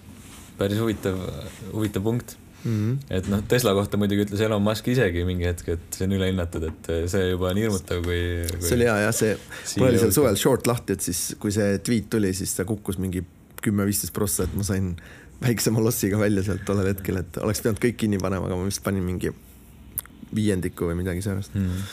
see oli jah päris hea, et selline tweet. väga huvitav jah, et äh, aga äh, kui äh, rääkida alustavatest investoritest, siis neil tõenäoliselt ei ole nii suuri vahendeid või kõige noored, kes meid kuulavad, on ju, et äh, nad tahavad äkki kaks tuhat eurot kuskil investeerida, kuhu nad peaksid investeerima? kas nad üldse peaksid minema aktsiatesse või on mingid muud varaklassid, kuhu nad peaksid äh, minema midagi tegema mm? -hmm. no ma ütlen, varem oleks pigem soovitanud vist ühisrahastust, et pane see kaks tuhat eurot oma rahasse või Mintasesse, on ju aga ma arvan, et ma ikkagi soovitaks selle pigem nagu mingisse oma ettevõttesse pista okay. Et ma siin panen juba aastaid kokku ettevõtlusraamatut ka. see oleks, peaks nagu see päris rikkaks saamise raamat olema, onju. Need ülejäänud raamatud on sellised, et sa saad siis rikkaks, kui sa kõvasti säästad või sul juba on mingid rahad. kui sa nagu nullist sajani tahad saada, siis on ikka ettevõtlus, onju mm -hmm.. ehk siis kaks tuhat eurot on selline raha, et sa saad endale läppari osta ja proovima hakata, onju. või. investeeri hoopis enda harimisse yeah.. osta mingi. noh, tegelikult on, et äh, isegi kui nagu hästi niimoodi ratsionaalset tootlust otsida, on ju, et siis äh, ma arvan, et parim investeering on osta läpakas, võtta mingid Youtube'i progemiskursused või noh, ma ei tea, ilmselt saab Youtube'ist, aga neid on ka tasulisi asju, on ju. et mul on vend, hea näide, et vend õppis äh, geenitehnoloogiat ülikoolis ja siis ähm, tegi doktorikraadi ära, siis läks USA-sse ja siis ta seal otsis nagu tööd seal geneetika valdkonnas, aga tal oli vist aastane viisa on ju, et oli nagu suhteliselt raske leida mingit sihukest, kus aastaks saada. Ja siis ta oli vist mingi, müüs seal mingeid seadmeid ühele Eesti startup'ile geenitehnoloogia vallas, aga kuhugi väga ei jõudnud sellega. Ja siis ta oli lihtsalt hobi korras keskkooli ajal juba natuke progemist juurde õppinud ja siis pulli pärast viskas nagu LinkedIn'i, et on proge on ju ja siis oli kohe pumm-pumm-pumm järjekord ukse taga nendest tööpakkumistest ja et kui me mõtleme, et sa paned kaks tuhat eurot sülearvutisse nendesse kursustesse, sa pead nagu aega ka panema ja sul peab mm -hmm. mingi noh, mingi elementaarne IQ ilmselt ka olema, on ju, või mm -hmm. oskused või huvi selle vastu. huvi on pigem kõige tähtsam jah ja., ma arvan isegi, kõik on õpitud. sest tegelikult on ka ju, ei ole ainult puhas sihuke, ma arvan, sageli inimesed kuulevad sõna progemine või IT on ju, siis nad jäävad hästi kinni sinna mingisse mm -hmm. matemaatikasse ja sellesse, aga ma arvan, tänapäeval seal on hästi palju ka mingit front-end'i ja disaini ja kõike muud asja. väga lihtne on, ise olen ka noh, veebi arendanud juba ja. aastast äh, ma ei tea, kaks tuhat kümme, et, et see kõik, noh, mina matemaatikas täiesti kaks, onju, et noh, minu jaoks ei olnud ka keeruline, et kui sul huvi on ja sa pead midagi ära tegema, siis sa õpid selle selgeks, et seal ei ole. aga see tundub siukene, et sa paned kaks tonni sisse ja noh, kui vend saab seal kuus tonni kuus palka, onju, et sul põhimõtteliselt esimese pooleteist nädalaga tasub investeering ära, onju, et et ma arvan, see on nagu väga hea ja siis sul on tegelikult, sa avad selle oskusega endale ukse mingiks potentsiaalseks unicorn'iks onju, et kui sa ma arvan jällegi, et äh, saada nagu mingiks, äh, mingi alustava startup'i nagu nii-öelda selleks IT-meheks on oluliselt lihtsam kui olla see nagu päris founder, kes peab mm -hmm. nagu kõik, kõik koos hoidma, on ju, et ja. ma arvan, iga, iga founder otsib sellist head IT-meest taga endale punti alguses, on ju. päris huvitav lähenemine jah, selles mõttes, aga kui me räägime natukene kraad nagu kangemast inimesest, ütleme, et äh, kellel on kümme kuni kakskümmend tuhat investeerida, kas ta ikkagi peaks ettevõtlusesse investeerima nagu enda ettevõttesse? Ja siis järgmine klass nagu viiskümmend tuhat. ja ma arvan, see ei sõltugi nii palju rahast, vaid nagu sellest, mis ta teeb, on ju. Mhm. et kui sa oled kuskil riigiametis või noh, kuigi see ei ole ka õige näide, sest mul tuleb kohe Raivo Ain meelde, kes oli Tallinna linnavalitsuses tööl ja siis Moonlightis selle CV keskuse on ju ja et tegelikult, kui sul ikkagi nagu, ma ütleks siis nii, et kui sul on tahtmine nagu väga rikkaks saada ja siis kuidagi mingi põletav kirg on selle vastu, on ju et siis sa pead ikkagi investeerima kas oma ärisse või mingi võimendusega asja mm. -hmm kui sul on pigem see, et äh, sa oled suht rahul sellega, mis on ja tahaks nagu stabiilselt, et siis äh, noh, siis sul tulevad siuksed tavapärased investeeringud on ju, et ongi nagu a la indeksfondid või mingid kinnisvarafondid või oma üürikorter või äh, annad kuskile laenu või ostad võlakirjasid. aga et nende kõigi puhul on see tootlusootus sul seal ütleme kaheksa kuni kaksteist protsenti aastas on ju, noh, see on isegi hästi, ma arvan, võib-olla isegi või ütleks, et mingi Jüri Mõis ütles mingil koolitusel, me olime koos, ütles, et kõik, mis on üle nulli, on tänapäeval väga hästi nagu, et kui on juba null protsenti, see on okei okay.. pangakontol seisab siis. jah, jah, et, et tegelikult no ütleme jah niimoodi, et mingi kuus protsenti on selline, et ostad Tallinna Vee ja ma ei tea, Tallinna Sadama aktsiat ja mõnda veel on ju ja saad seal oma dividendi ja paar prossa aastas kasvab. kui sa tahad seal kümme pluss protsenti teenida, siis sa pead ikkagi mingit väikest riski ka võtma. aga et kui sa tahad nagu seal nagu consumer electronics oli kakskümmend neli prossa aastas saada, on ju, et siis sa pead ikkagi mingi visiooniga investeerima või mingi võimendusega. et siis mulle ikkagi tundub, kui sa vaatad aktsiaturul, tundub nagu loogiline see, et sa validki mingi neli-viis-kuus firmat välja ja mille fänn sa oled ja ja, ja mille tooteid sa ise tarbid ja millest sa aru saad ja katsud nende sõiduga kaasa sõita. ja võib-olla paned sinna siis sellise asja juurde, et sa näiteks no see on ka investeerimis hästi oluline, et kas sul on ühekordne summa või sul tuleb raha peale, on ju. Mhm. et enamustel inimestel võiks olla nii, et sul tuleb raha peale kuskilt. et siis näiteks sa panedki nii, et ma panen täna nagu summa ära ja aasta hiljem panen teise poole, on ju. et sa ei, ei vaata niivõrd seda valuation'it, vaid nagu pigem aega.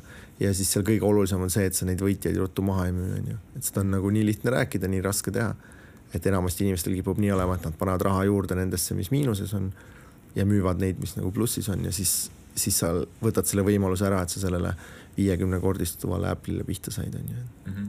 et ma teen ise sama asja praegu Ampleriga, et mul on seal Thunderbeamis nagu positsioonid lahti ja okei okay,, ma neid kehvasid asju juurde pole ostnud, aga ma ikkagi Amplerit muudkui müün jupikaupa nagu, et hakkasin seitsmest pihta, nüüd on kakskümmend on ju, mõtlen, oli vaja seda näppida nagu, et oleks võinud koodi ära unustada kuhugi ja alles kunagi keegi on ütelnud ka, Warren Buffett või keegi, et kõige parem investor on surnud investor on ju, et. ja see vist oli mingi uuring, ma ei tea, kas see päriselt oli, aga meediast käis läbi, et oli jah, need surnud ja kes olid parooli ära kaotanud, et äh, aga ma nagu usun seda küll, et äh, et seal on kaks erinevat ja nad sageli on pigem vastuolus.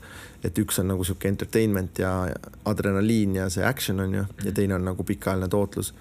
et tegelikult ja see on üks põhjus, miks oma ettevõte on hea, et sa ei saa seda oma ettevõtet nagu müüa iga päev on ju. et ma enda puhul olen küll näinud, et ma login kuhugi kasvõi oma aktsiaportfelli või sinna Funderbeami sisse, igav on, on ju, tahaks midagi teha, no vaatan, see on siin nii plussis, müüks natuke, on ju, see on miinuses, seda võiks natuke juurde osta, et sihuke timmimine tuunimine aga et sellel tegelikult tootlusel on pigem nagu ma arvan, halb mõju. et jälle mul tuleb, noh, abikaasa ostis kunagi minu soovitusel ja, või noh, tema ise tahtis äh, mina ütlesin, et sihuke asi toimub, tema tahtis osta, aga oli Madara Cosmetics, mis on mingi Läti sihuke ökobränd vist. tead, kätekreem ja teate, onju. et siis see läks börsile vist paar aastat tagasi ja ma ei mäleta, mis hind oli, aga tundus jälle kallis nagu ikka ja siis äh, abikaasa kasutas ja fännas neid tooteid, et ostis seal paarsada aktsiat. ja siis ta nagu ei kasuta seda LHV panka igapäevaselt, et äh, ma arvan, et olegi paar aastat sinna sisse loginud ja siis me nüüd mingi paar kuud tagasi vaatasime, siis oli mingi kolmsada protsenti plussis, et pluss ta maksis dividende ka iga aasta, et mm. -hmm. et ma täiega usun seda jah, et, et investeerimine on niisugune vähene üks ja see ongi hästi raske seda hoomata, sest ta on nii vastuoluline võrreldes muude asjadega. et see on niisugune valdkond, kus mida vähem sa teed, seda parem, mida vähem sa tead, seda parem. ja samas äh, noh, see juba on jabur, on ju, et üheski teises valdkonnas on nagu raske eeldada, et kui sa tahad head tulemust saada, siis ära hari ennast ja ära näpi, onju no see muidugi midagi peab ikkagi uurima, onju, et kuhu sa investeerid, et võib-olla on see, et sa paned väga valesse kohta ja ja kaotad kõik, onju, jah, natuke eeluuringut peab tegema kuidagi. Nagu mingi hästi vähe aimdust olema, aga mm. seal ma ütlen, on niisugune, et noh, minu abikaasa on nagu hea näide onju, et ta tõesti võib-olla ongi kõige parem, kui sa mitte midagi ei tea, aga sul on keegi abiline, kes sul aitab selle nagu tehingu ära teha nii-öelda mhm. onju, kuigi noh, selle õppimine tõesti ei ole keeruline onju. jah, tänapäeval eriti. ja, aga et noh, mul on üks näide ka ühest sõbra abikaasast, kes ka midagi eriti ei tea, kes siis kogemata tahtis SB viiesaja fondi osta, aga ostis kogemata nagu short SB viiesaja ehk siis nagu vastupidise Vastu, fondi lihtsalt sellepärast, et ta lihtsalt otsis nagu SB viissada, seal tuli nimekiri mm. -hmm. vaatas, et noh, ta ei teadnud, mis see short tähendab, onju, või inverse või mis ta oli. et siis nii palju sa pead teadma, et sa mingit vale asja ei osta. aga ma arvan, et kui sa nagu nii-öelda istud maha, räägid viis minutit, intervjuu, intervjuu on ju, kellele sa maksad, mis toodetesse usud. et see sinu aktsiaportfell võiks nagu, mulle hästi meeldis jälle selle investori üks ütlus oli, et sinu aktsiaportfell võiks olla nagu sinu kümne-viieteist aasta maailma siukse ideaalse tuleviku visioon on ju mm. -hmm. et noh, kui sa usud clean energy ja ma ei tea, isesõitvad autod on ju, et siis panegi Tesla sinna ja kui sa usud, et tulevik oleks nagu noh, ma ei tea kõik tulevikus sa näed, et inimesed ei viitsi enam poes käia, on kõik Amazon on ju, et siis pane sinna Amazon ja, ja lihtsalt praegu on see kõik nagu võib-olla natukene mullis tänu sellele, et kõik teavad ja kõik teevad seda, on ju, et oleks me aasta tagasi seda rääkinud, oleks parem olnud, aga aga see ei tähenda, et see nagu halb valik oleks, et lihtsalt sa pead arvestama, et võib-olla siis mingi hetk see huvi shift ib ja siis need aktsiad tulevad alla, aga et kui sa ise usud sedasama visiooni, et see on okei okay, sinna juurde. jää sisse. no tihti inimesed lähevad rahaasjadega emotsionaalseks onju, et kui langes, siis tahaks juba kõik välja võtta, ei taha rohkem kaotada, et, et mis on sinu võti, et kas see ongi, et usu lihtsalt sellesse asja ja mine edasi või, või mis on see võti, et miks inimesed sisse peaksid jääma või kuidas nad enda emotsioonidest võitu saaksid? hea küsimus, et see ongi tegelikult üks põhjus ka, miks on nagu hea, kui sa ei tunne huvi selle asja vastu või sa ei ole nagu teemas sees onju mm. et ikkagi isegi kui sa noh, ma ei tea, mina olen ju lugenud ja tegelesin sellega mingi kümme, kakskümmend aastat peaaegu onju. et siis ikkagi, kui sa vaatad seda portfelli ja ta kukub, sul on hästi lihtne mõelda, et võtaks praegu rahad välja, sest nii kindel on, et ta veel kukub, onju. et seal ju märtsis-aprillis oli noh, kõigil oli kindel tunne, et sügisel ta on madalam, sest et oli ju näha, et sügisel tuleb teine laine ja kõik ja, muu. aga et siis paraku sellel hetkel, kui kõigil on niisugune tunne, et ta kindlasti kukub, et siis juba kõik jõudsid ära müüa, onju, et ma sain kevadel ise täpselt põhjale pihta vist, kui ma müüsin Tallinna Vett ja Eftenit või midagi, et, ähm, et suhteliselt äh, raske on seal tolles hetke emotsioonis nagu häid otsuseid teha, et siis kõige lihtsam lahendus on see, et sa ei näpi, ei vaata, on ju, et noh, nagu mul abikaasa on ju, et ma ei, ei mina ega tema ei tea, mis see Madara aktsia kevadel tegi, sest me ei vaadanud seda, on ju. või siis on see, et sul on mingi noh, näiteks nagu mul on kolmas sammas on ju, et mul läheb iga kuu mingi raha sinna. jällegi mul ma, kuna ta on indeksfond, ma tean, et ta nagu nulli ei lähe, on ju. et vot see on see risk selle üksikinvesteeringuga, et kui oletame, et sa valid mingi vale ettevõtte ja ta justkui läheb pankrotti Just. või hääbub, on ju. mingi Hertz siin käis ja, kuskil. või Tallinkis sa oled pannud, on ju, et ja. siis, et mingi asi, mis saab väga, sellepärast sul peabki olema viis, kümme, viisteist aktsiat, mitte ainult üks, on ju. aga et kui see kõrvale jätta, et siis ja näiteks sama indeksfond, et siis sa tegelikult tunned mõnu, kui aktsia kukub või see langus on, on ju, et saad sinna juurde panna ja kuna sa iga kuu seda teed, siis sa ei stressa, aga kui sa ei ole selliseid väga kindlaid reegleid teinud, siis kipub nii olema jah, et sa ootad seda aega, kus ta veel võiks langeda, kui see aeg ära kaob, siis sa vaatad, et kurat, eile oli juba odavam kui täna on ju, et mis ma enam täna ostan, et küll ta kukub veel. ja siis see ongi see, et kümme aastat hiljem vaatad, et jäi see hull põhi kasutamata on ju. Mhm. et, et äh, ma arvan jah, et seal on äh, kõige lihtsam nii teha, et sa valid ettevõtted või siis indeksfondi mille fänn sa oled, paned selle autopiloodile ja keskendud siis pigem nagu raha teenimisele, mida sinna suunata uh. -huh. et tegelikult ähm, kui mina saan, oletame, et mina panen iga kuu tonna kõrval, on ju, sina paned sota kõrval iga kuu. ja mina hullult või mina ei tee midagi investeerimisega, on ju, et ma lihtsalt panen selle tuhat kas indeksfondi või siis valin endale kümme lemmikaktsiat ja panen sinna, on ju. Ja sina iga kuu või iga päev analüüsid ja loed igast Äripäeva ja Foorumeid ja vaatad neid B-suhteid ja üritad seda sadat eurot nagu paigutada, onju. et siis noh, sul on suht võimatu võita, onju, et see värske raha nagu lihtsalt killib su igal juhul ära. isegi kui see annaks mingit nagu positiivset tulemust, see, et sa päev otsa tegeled sellega mm. -hmm. aga minu meelest enamus uuringud ja statistika näitavad, see pigem mõjub halvasti, onju. no muidugi, kui sa nii väikeste summadega veel müüd, ostad, vahetad, onju, sulle annad pangale nii suured no, rahad isegi kui sa selle kõik kõrvale jätad, et sa lihtsalt treidid üle, onju, ja et sa ikkagi kipud liiga palju otsuseid tegema, on ju, et ähm, et äh, see aktsiate investeerimine on selles mõttes huvitav, et et äh, mida vähem sa tead, mida vähem sa teed, seda parem. Nüüd natuke aktsiatest ja investeerimisest kõrvale minnes, et äh, kindlasti sa ütlesid ka mõni, mõne languse trendi oled ära tabanud ja valel ajal müünud, on ju, et täitsa põhjas, et aga kuidas, ähm, sellest tulevad mingid halvad emotsioonid, kuidas sa nendega tegeled? et äh, kui inimene teebki mingi vale otsuse, kaotas väga suure rahasumma, et kas sul on endal mingid protsessid välja mõeldud, kuidas sa üle saad sellistest probleemidest ja, ja sarnastest võid ka äriprobleemidest rääkida, et äh, ikka tuleb siukseid asju ette, et mida sa teed, et ikkagi fookused olla mina ikkagi sellised suuremad kaotused olen saanud kas laena, laenu andes või siis äh, aktsiates, et kinnisvaras on mingid väiksemad asjad, kus me oleme, ma ei tea, pea ees sisse hüpanud ja siis aru saanud, et see ikka ei olnud hea tehing ja siis mingi raha lossi vastu võtnud, on ju. midagi väga suurt pole seal olnud. Äh, laenudes on nagu see, et ähm, noh, see on nagu alati valik, et kas sa üritad sõdida ja mingi kohtutäiturite inkassodega nagu edasi minna või lihtsalt loobud sellest, on ju, et see pigem ongi niisugune emotsiooni küsimus, et ja sageli on see, et see inkassode asjadega raha koju toomine läheb kallimaks, kui see asi väärt on, on ju, et sõltub summast ka. et seal ma olen siis lihtsalt mõnes mõttes nagu leppinud, et ma korra aastas kannan need asjad nagu justkui enda jaoks maha ja olen siis rõõmus, kui sealt midagi tagasi tuleb ja ma tegin nagu sellise reegli, et ma ikkagi nagu ilma tagatisteta ei anna enne laenu, kui ma olen selle kodus läbi rääkinud mingi oma perega või et keegi teine osapool ka approve ib seda mm. -hmm. ja aktsiates äh, mul kõige suuremad kaotused on nagu lühikeseks müümisest, et äh, paar aastat tagasi müüsin mingeid äh, vist nafta või mingit kullavõimendusega aktsiaid lühikeseks ja ta oli selline matemaatiline tehing, et noh, teoorias oli mul õigus ja olekski olnud õigus, aga lihtsalt see variatsioon oli nii suur, et ajas hirmu peale. ja, ja siis äh, see suvi oli mul siis see, et ma kevadel üldise portfelli tasakaalustamiseks müüsin nagu oma Apple'i maha ja lühikeseks ka ja siis Teslaga lühikeseks. ja, ja seal on siis võib-olla see põhireegel võiks olla see, et sa paned alati noh, tegelikult see on iga investeerimise põhireegel, et sa alguses paned selle nii-öelda maksimum lossi või kui palju sa oled nõus riskima sinna positsiooni, on ju. et kui sa midagi ostad või nii-öelda pikk positsioon on, et siis mm -hmm. see on hästi lihtne, et see raha, mis sa sisse paned, noh, võid kaotada, on ju, et mm. -hmm ma arvan, hästi hea rusikareegel, et Just. ja pidi ka emotsioonidele hästi mõjuma, et kui sa investeerid, et siis nagu kanna see raha justkui enda jaoks kohe maha, maha.. jah, et you don't have this anymore, et see raha on läinud, on ju. võib-olla tuleb kunagi tulevikus tagasi, võib-olla ei tule, aga et, ära nagu iga päev konverteeri seda investeeringut leivaks ja mingiks jalgrattaks. aga lühikeseks müümisel on siis see, et äh, sul on nagu justkui noh, nagu sa oled, sa oled avatud sellele lossile, et see loss võib nagu kahe või kolmekordistuda, onju. Ehk siis, kui see aktsia nagu jätkab kallinemist, siis sinu see summa läheb järjest suuremaks. ja ta on selles mõttes hästi emotsionaalselt ebamugav ka, et ähm, tavaliselt, kui sa nagu positsiooni valesti võtad, siis sul ju positsiooni nagu maht väheneb ajas on ju, et kui ma ostan täna kümne tuhande eest Apple'i aktsiat ja Apple hakkab kukkuma, on ju noh, kukub viiskümmend prossa, siis mul on nagu viis tuhat eurot seal sees on ju. ehk siis see osakaal mu portfellist jääb järjest väiksemaks. kui sa oled vastupidi, et siis see portfellis läheb osakaal järjest suuremaks, on ju.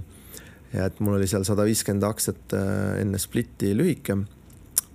ma arvan, mingi keskmiselt neljasaja peal, nii et see on siis, sain kuuskümmend tuhat dollarit nagu kontol, on ju.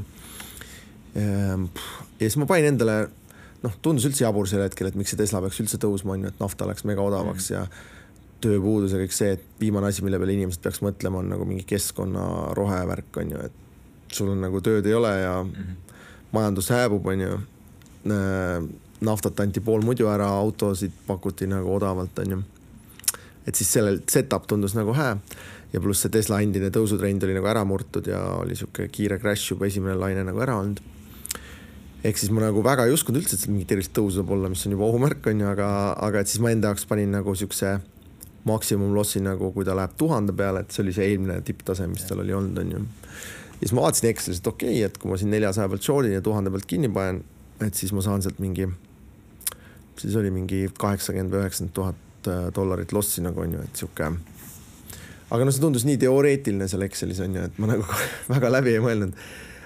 ja siis, kui ta hakkas sinna nihkuma sinna suunas onju, et siis siis on see, miks öeldakse, et seal short imisel sa peaks tegelikult panema endale nagu äh, hard, hard stop'i ehk siis sa pead selle orderi juba sisse panema, et sul ei ole mhm. võimalik ennast Stop nagu. pluss positsioon ootab juba nagu. ja, et kui põhimõtteliselt, kui sa olid vale ja see hind sinna liikus, on ju, isegi kui ta ainult puudutas seda taset -hmm. et siis sind müüakse automaatselt välja.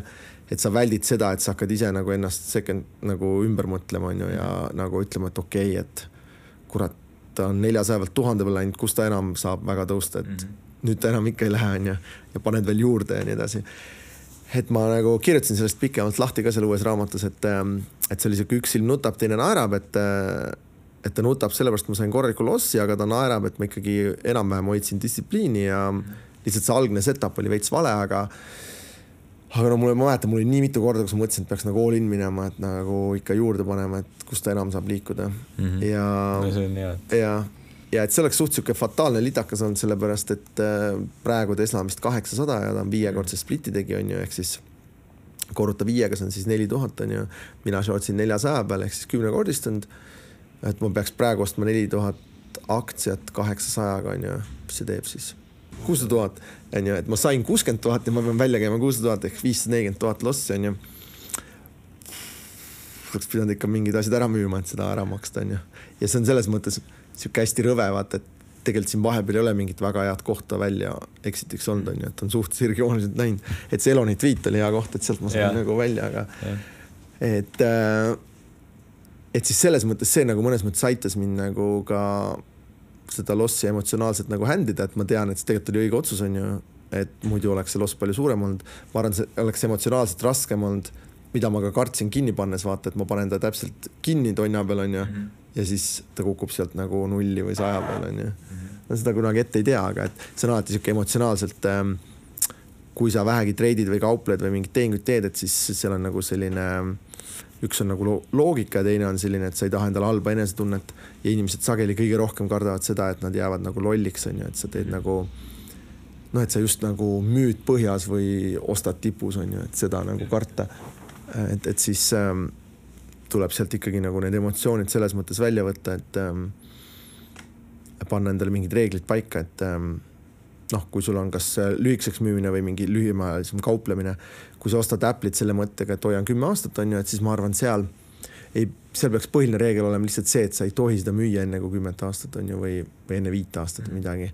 Äh, olgu ta miinus üheksakümmend või pluss üheksasada, on ju, et et see on nagu nende krüptode ja Bitcoinidega minu meelest suur asi, mida inimesed on nagu, kes on sinna raha, noh, paljud ju panid sinna raha nagu mingi, ma ei tea, saja peal või kahesaja peal on ju, et praegu on nelikümmend tuhat või ma ei tea, kolmkümmend viis tuhat on ju. et siis võiks eeldada, et mingi ilge papp on kõigile tulnud, aga et seal enamasti siis, kui ta saja pealt kahesaja peale läks, siis cash isid välja juba onju. et siis. et see on nii pika perspektiiviga, aga sa arvad, et see kasvab veel kõvasti onju, ma eeldan? ma ei tea, ma igaks juhuks võtsin nüüd aasta alguses positsiooni nagu all time highs tipu peal onju, et olla valmis lolli näoga vaatama, kui nulli kukub, aga aga et ma katsun hästi seda mõtet nüüd hoida, et ma ei pane mingit hinnasihti, vaid nagu ajasihti, et et ma järgmised viis aastat ei näpiks. aga seda on jälle raske teha, ma juba ütlen ette. ma ei tea, kas sihukest raamatut oled lugenud nagu Anthony Robbinsi see Unshakeable, et äh, seal on ka hästi hea sihuke põhimõte minu arust, noh, seal ongi just räägib indeksfondidest ja siuksest lihtsast investeerimisest igale inimesele. Et paneb sinna sisse ja kogu aeg panebki juurde ja vahet ei ole, et äh, käib mingi crash ära, kolmkümmend äh, prossa on miinuses aga tuleb uuesti üles, et äh, nagunii aastas on mingi kümme prossa keskmine olnud juba sada aastat äh, indeksfondidel, et noh. ja indeksfondiga ongi seda kõige lihtsam teha ja omakorda ma arvan, meie keskmine kuulaja peaks seda tegema läbi kolmanda samba ja teise samba on ju, et see kolmanda samba indeksfond on nagu sihuke kõige-kõige esimene samm, mis võiks olla igal inimesel, kes palka saab, et hästi sihuke mugav. Paned iga kuu, kui sul on väga vaja, on ju, saad alati välja cash ida selle, maksad oma tulumaksu ära. aga kas sa arvad, et kõik inimesed peaksid investeerima? ilmselt mitte, et see on sihuke, et kas et inimesi on erinevaid, on ju, et on inimesed, kellel investeerimine võiks olla see, et saab oma mingi laenu makstud või et äh, kui me räägime investeerimisest nagu selles võtmes, et mingeid varasid või investeeringuid osta, et siis ma arvan, esimene samm võiks olla see, et sa lood endal mingi sissetuleku, ehk siis kui sa nagu nullist alustad, et siis jällegi tasub alguses investeerida sellesse enda sissetuleku loomise oskusesse või oma ettevõttesse mm. -hmm et Dave Ramsil, kes on USA-s siis sihuke finantskoolitaja, temal on hea mõte, sihuke ütlus, et su kõige suurem finantsvara on su sissetuleku teenimise võime, onju. Mhm. ehk siis, kui on noor inimene, kui ühel juhul sa saad tuhat eurot kuus palka, teisel juhul saad neli tuhat eurot kuus palka, et siis see on kõige suurem nagu erinevus sul elus onju. Ehk siis võib-olla esimene investeering võiks olla sinna ja siis järgmine investeering võiks olla see, et kui sul on mingid võlad või laenud onju, et nendest lahti saada ja siis mõnes mõttes ähm, võiks sul olla ka mingi selline puhverfond või cash balance või sihuke mingi nagu jah, musta ilma vihmafond on ju. ootamatusteks. ja, et noh, teoorias sa saad nagu seda indeksfondi või mingit aktsiaportfelli ka kasutada selle jaoks, aga see kipub olema ebamugav, et et näiteks äh, siinsamas märtsis oligi nii, et mul endal korraks jooksis kogu see likviidsus nagu kinni, et äh, põhimõtteliselt see konto, mida ma tavaliselt kasutasin, nii et sealt sai kiirelt laenu võtta, kuna seal oli aktsiad on ju, et siis need aktsiad kukkusid hästi kiirelt, hästi palju ja siis see broke või maakler omakorda tõmbas need laenumäärad nagu üles igaks juhuks, kuna tagatismäärad siis, et siis ähm, noh, see on peaaegu niimoodi, nagu öeldakse, et äh, pankurid annavad siis laenu kui, või annavad siis vihmavarju on ju, kui vihma ei saja ja, ja siis, kui sihuke padukas on, siis tõmmatakse igaks juhuks tagasi, et et selles mõttes sihuke, märtsis ma sain täiega aru, kui mõnus on lihtsalt paarkümmend tuhat kontol nagu, et ähm, mingi kuue kuu raha, eriti kui sul lapsed on, et ma arvan, niisugune mõistlik mm. -hmm. et ma jah, seda arvan ja siis võid investeerima hakata. aga noh, paljud inimesed või mitte paljud, aga ma olen kuulnud, inimesed ütlevad, et pane võlakirjadesse mingi osa, et sa saad sealt välja võtta sel hetkel onju, kui on äh, vaja seda raha, et mis sa sellest arvad? no märtsis oligi selles mõttes põnev, et näiteks ühisrahastus jooksis ka kinni, onju, et paljud investeerisid Mintoses sellise strateegiaga, et panid sinna lühiajalistesse laenudesse ja et seal oli justkui see, et need rulliti mingi noh, et sa said selle raha suht kiirelt tagasi. et siis seal nagu minu meelest pandi ka need. ei saanud ka? jah, hold'i, et no, ja minul endal olid antud välja mingid laenud, mis oli umbes siukse jutuga, et noh, teeme aastalepingu, aga kui vaja on, saad varem tagasi, onju. ja siis tollel hetkel nagu kõigil oli see, et praegu nagu ei saa tagasi. Et äh, muidu saab, aga praegu saab jah, ja ma mäletan, samamoodi oli mul endal, et mul oli paar laenu, mis mina olin võtnud, mis oli ka niimoodi, et noh, põhimõtteliselt me olime omakorda kokku leppinud, et nagu üldiselt äh, aastane leping, aga kui väga vaja, saad varem ka tagasi, onju, ja siis samamoodi, et nemad kõik tahtsid sellel hetkel tagasi saada, et see sihuke seal märtsi kahe, kaksteist kuni neliteist märts nagu oli selles mõttes hästi huvitav, et Äh, kõik raha, mis mina olin välja andnud, kus ma lootsin tagasi saada, läks nagu lukku, ei saanud, onju. ja kõik, mis ma olin ise öelnud kellelegi, et noh, kui sul vaja on, siis küsi, onju, aga neil kunagi ei olnud vaja läinud, onju, siis tollel hetkel kõigil oli vaja, onju, et see oli mm -hmm. sihuke nagu veits, veits kinni jooksnud tunne, onju. Mhm. et jah, selles mõttes oli põnev sihuke kiire kursus likviidsuse olulisusest. Aga see õpetab tavaliselt palju siuksed olukorrad, äh, vähemalt minu hinnangul onju et ongi, sealt tulevadki uued põhimõtted võib-olla ja, ja mingid. eks see jällegi on niisugune huvitav, on ju, et äh, kui sa oleks sellel hetkel nagu öelnud, seal kolmteist märts, et kuule, et ähm, ma ei tea, kuus kuud hiljem räägime sellest ja kõik on hästi jälle onju, et see nagu tundus nii sihuke lõplik see kinnijooksmine või noh, sihuke, et nüüd algab uus masu onju ja sest ikkagi sa nagu võtsid seda, mis oli kaks tuhat üheksa, kuidas pangad käitusid, kõik see mm, -hmm. kuidas varad käitusid ja siis tõstsid selle nagu tänasesse päeva kus turud olid palju kõrgemad on ja nii edasi.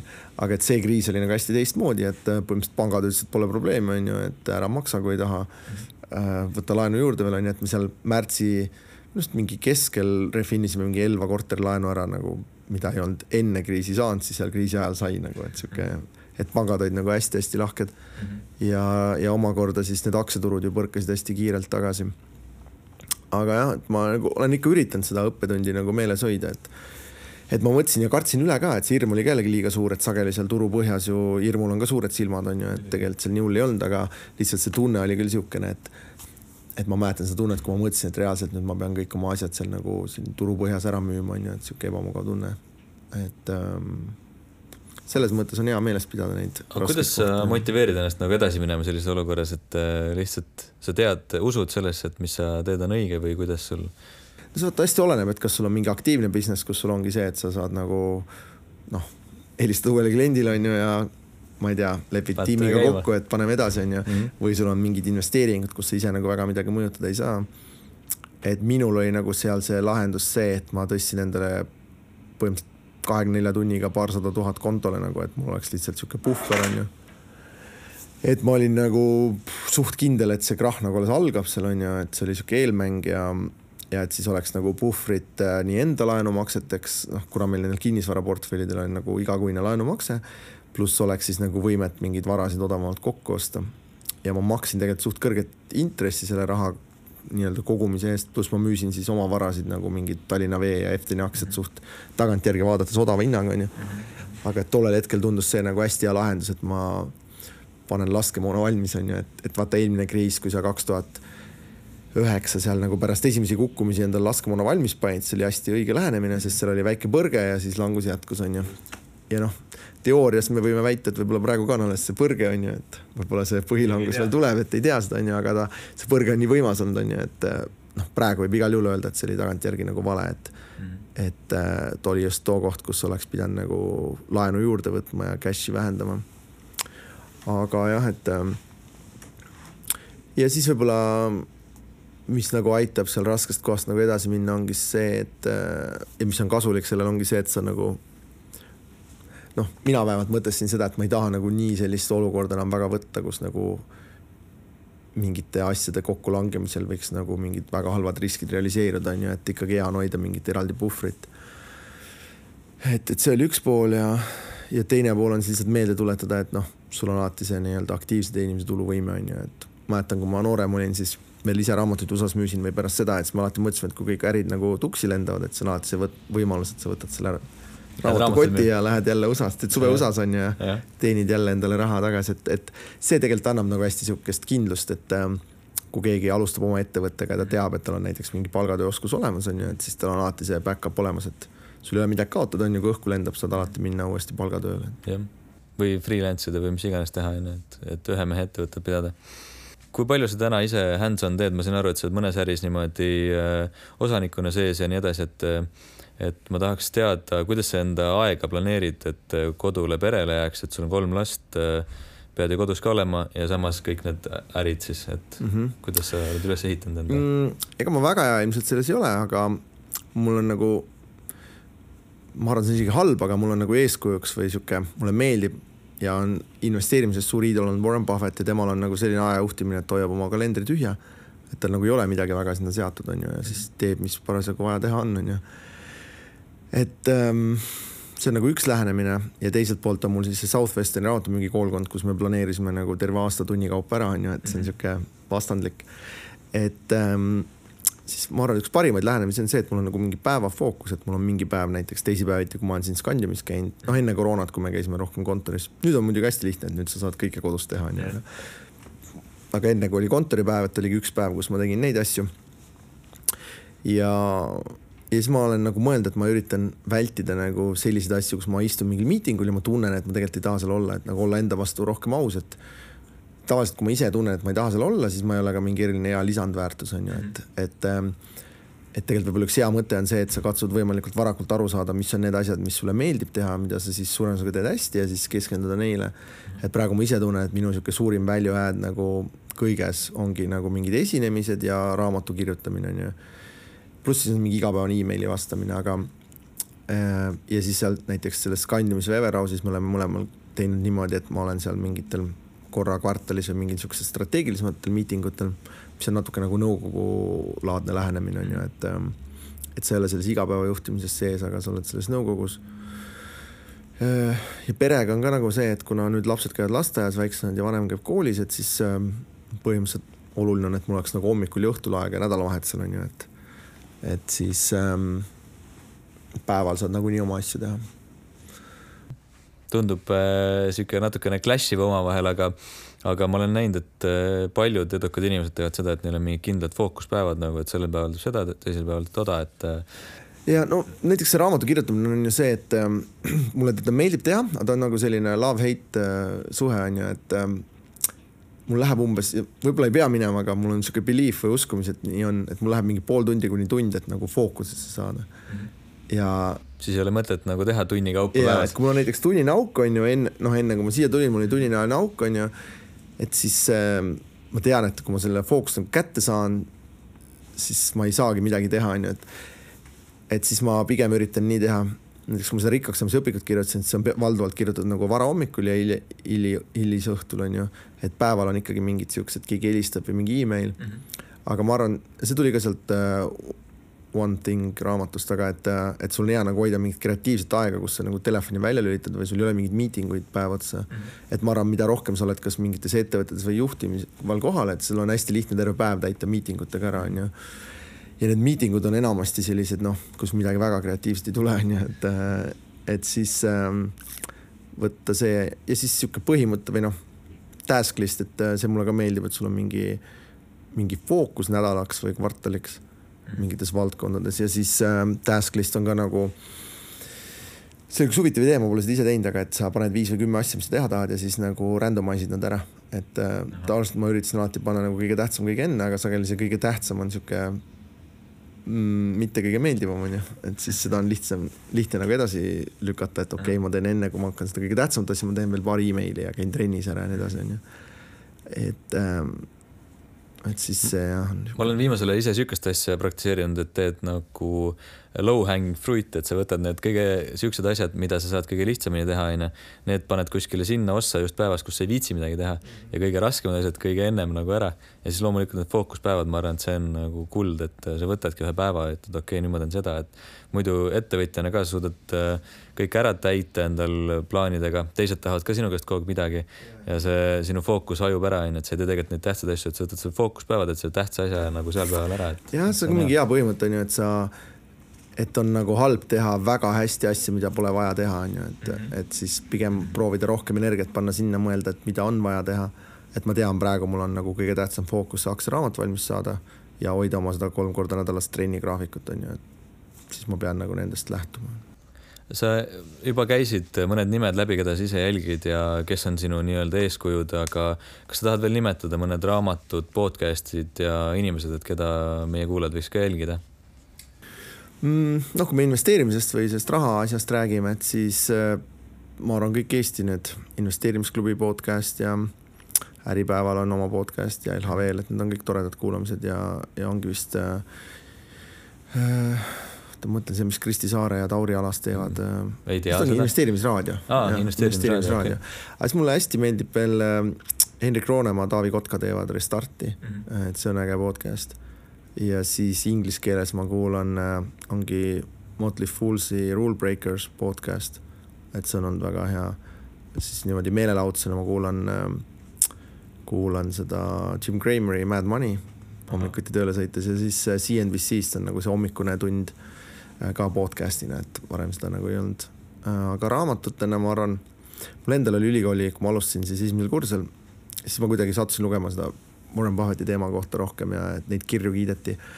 ja siis ma lugesin neid kirju, ma ei saanud mitte sittagi aru nagu, et sihuke tõesti nagu sõnadest said aru, aga sellest lause mõttest või tähendusest ei saanud ja paljudest sõnadest ka ei saanud aru. ja siis ma kuidagi panin endale siukse eesmärgi, et kui ma ülikooli lõpetan, et siis ma tahan nagu aru saada täpselt nendest. ja ma neid kirju seal lugesin, ma arvan, mingi kümme korda vähemalt olen läbi lugenud. aga et see on niisugune äge, ma arvan, väljakutse või, või noh, nagu väga kasulik, et kui ei ole lugenud, et siis äh, sealt Kodukal on nad minu meelest aastast mingi tuhat üheksasada seitsekümmend viis või midagi säärast, aga kui netis otsida, et siis leiab need varasemad kirjad ka ja mingi vant tegi sellest raamatu ka, nii et see vähemalt e-raamat on mm -hmm. olemas, see on mingi neli tuhat lehekülge oh, korralik. aga põhimõtteliselt kõik need kirjad alates kuuekümne viiendast aastast ja siis, keda veel eriti huvitab, siis on olemas ka need partnership kirjad, mis olid enne kuuekümne viiendat, kui tal siis oli nagu selline kinnine investeerimis partnership mm. -hmm. Aga et need kirjad on jah, selles mõttes äge, et ta alustab sellest, kui see ettevõtte aasta kasum oli paarsada tuhat vist või mm -hmm. ja ettevõtte väärtus oli paar miljonit ja siis noh, praegu on viissada viiskümmend miljardit on ju, et selline äge teekond, et äh, põhimõtteliselt nelikümmend kirja, nelikümmend aastat on ju ja, ja sa näed siis nagu ajas, kuidas mingid äh, trendid on muutunud ja mõtted on muutunud ja, ja seal on nagu palju hästi sellist in, äh, tööstusharu spetsiifilist ka, eelkõige kindlustuse teema, aga, aga ma arvan, kokkuvõttes see on selline, et ma olen kunagi mõelnud, et sellest saaks ägeda õppeaine või siukse kursuse panna, on ju, et sul on nagu mingi kodutöö on need kirjad läbi lugeda ja siis kümme korda saame kokku, arutame, mis me sealt õppisime, et ma arvan, see on niisugune väärt lugemine mm. -hmm. ja teine, mis ma olen noortele soovitanud, kui ma olen kuskil esinemas käinud, on äh, just ettevõtluse mõttes on see Shark Tanki Youtube'i ka, need on vist Youtube'is, ma arvan, saadaval. okei okay., jah, Shark Tank. ehk siis need nagu ideed ja pitch'id seal jah, et see on niisugune äge mõned pitch'id on ikka väga lahedad seal ja ma vaatan neid lihtsalt. et sealt saab ka ägedaid ideid, on ju, et ma arvan, päris paljud nendest on sellised, mida võiks nagu, kui keegi viitsiks ja tahaks, võiks vabalt nagu sellise noh, vähemalt ühe mehe ärina, aga võib-olla ka mingi suurema asjana Eestis teha. et ma ise olen käinud õpilasfirmade laadal, ma olen seal žüriis olnud paar aastat, et siis iga aasta ma vaatan, seal on ka vähemalt kaks või kolm ideed, mis võiks olla sellised, et kui et ilmselt ei ole unicorn, ilmselt ei ole sada miljonit ka, aga nagu mingi paarsada tuhat sellega teenida tunduks suht tehtav nagu, et mm -hmm et äh, põhimõtteliselt võib õpilasfirmade laadal käia ideid varastamas, hea koht.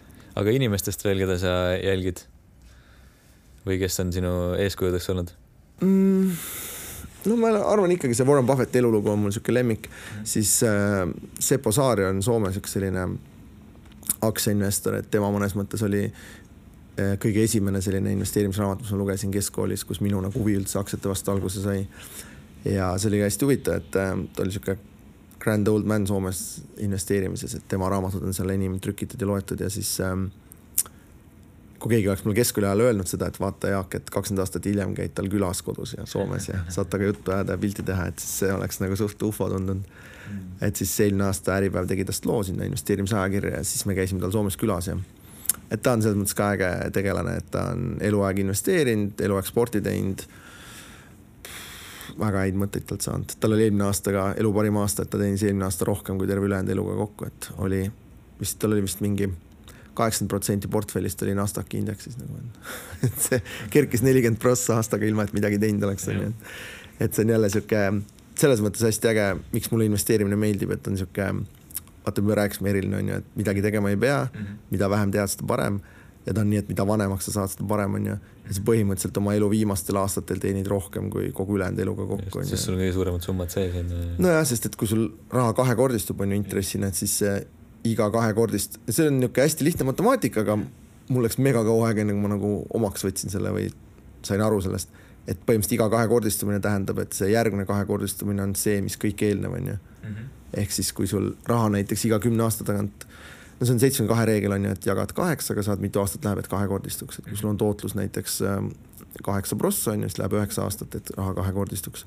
nii et põhimõtteliselt, kui sa oled äh, üheksakümmend aastat investeerid, on ju, et siis see viimane üheksa aastat on sama, mis kõik eelnevad mm. -hmm. et see tundub jälle hästi jabur, on ju, et enamasti on vastupidi, et et äh, öeldakse, et seal alguses pead kõige rohkem vaeva nägema, kui sa mingit karjääri alustad, et siis investeerimises on nii, et hakka hästi vara pihta ja lõpus nagu lõpus korjad. jah, lihtsalt et ma sattusin sama laeva peale Raivo Inaga ja siis kuidagi tuli jutuks, et tema on LHV aktsias suurelt sees on ju, et tal on seal mingi kuussada tuhat aktsiat. LHV aktsia on kõvasti rallinud vahepeal, et siis oligi mingi päev, kus me naersime, et Raivo nagu hommikul ärkas on ju, käis jõusaalis, tuli tagasi, magas natuke, sügas kõhtu ja vaatas, miljon on tulnud jälle on ju, et et kui palju peab nagu tavaline LHV töötaja vaeva nägema, et miljonit teenida, et et see kapitalism on nagu hästi ebaõiglane selle koha pealt, et seal ei ole seost töö ja tulemuse vahel nagu. Tuleb varakult hakata investeerima lihtsalt. jaa. aga kui ma tohin äh, isiklikus võtmes veel küsida ja mõlemas isiklikus ja äris, et äh, kus sa viie aasta pärast tahad olla või kus sa näed, et äh, sa oled, mis sa teed? kuidas elu on mm,? viis aastat läheb nii kiirelt, ma olen avastanud, et ma pean päevikut alates kaks tuhat kaheksa vist või? sihuke Minu elu on pealkiri ja ma vaatan, seal on umbes iga nelja-viie kuu tagant sissekanne sihuke, et nüüd juhtus see ja see. Väga äge. et ühelt poolt läheb hästi kiirelt, aga teiselt poolt on nagu hästi raske ette ennustada, mis oli, et kui ma vaatan viis aastat tagasi, et siis päris paljusid asju ma poleks ette kujutanudki. tavaliselt inimesed äh, ülehindavad, mis nad suudavad aastaga teha ja alahindavad, mis viie aastaga. jaa, seda ma ka kuulnud jah, et sul on aga noh, viie aasta pärast ma arvan, et ähm, mul on siis lapsed on kuusteist, ähm, üheksa ja seitse on ju, et ma arvan, et mul on veel rohkem lastekeskne elu kui praegu, et, et siuksed koolimured ja asjad ähm,.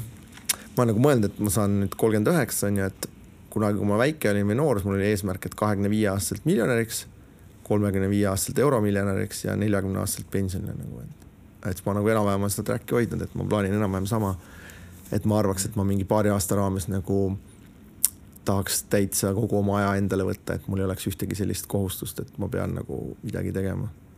et praegu mul on ikkagi mingid asjad, mis ma nagu pean tegema, isegi kui ma ei taha teha. Äh, see võiks olla ja siis äh, võiks nagu viimased viisteist aastat või kümme aastat vähemalt võiks kümme kilo kergem olla, onju. ja, ja tervis võiks hea olla ja et ma arvan, et äh, seal neljakümnendates on see koht, kus ähm, või vähemalt minul on küll olnud, mitte noh, ma ei tea, kas öeldakse kolmekümnendal, neljakümnendal, aga kolmekümnendate lõpp on ju.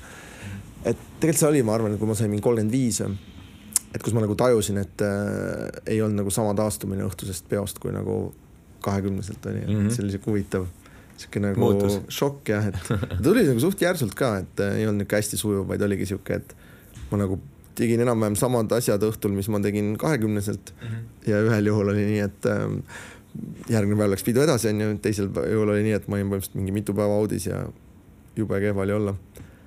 et siis äh, ma arvan, et see vorm ja tervis muutub nagu ajas olulisemaks ja investeerimiste poole pealt ma tahaks nagu loota, et ei ole nagu mingi liiga palju uusi asju lauale võtnud, et pigem võiks neid olemasolevaid asju nagu edasi arendada väga lahe, ma tänan sind äh, täna siia tulemast ja, ja meiega neid mõtteid jagamast ja kuulajatega samamoodi, et et väga äge informatsioon minu arust ja kõik on kulda väärt. Bitcoin pidi uus kuld olema, nii et Bitcoini väärt. nii et äh, pange kõrva taha kõik, kes kuulavad ja, ja kuule, aga tänud kutsumast ja tore oli. Aitäh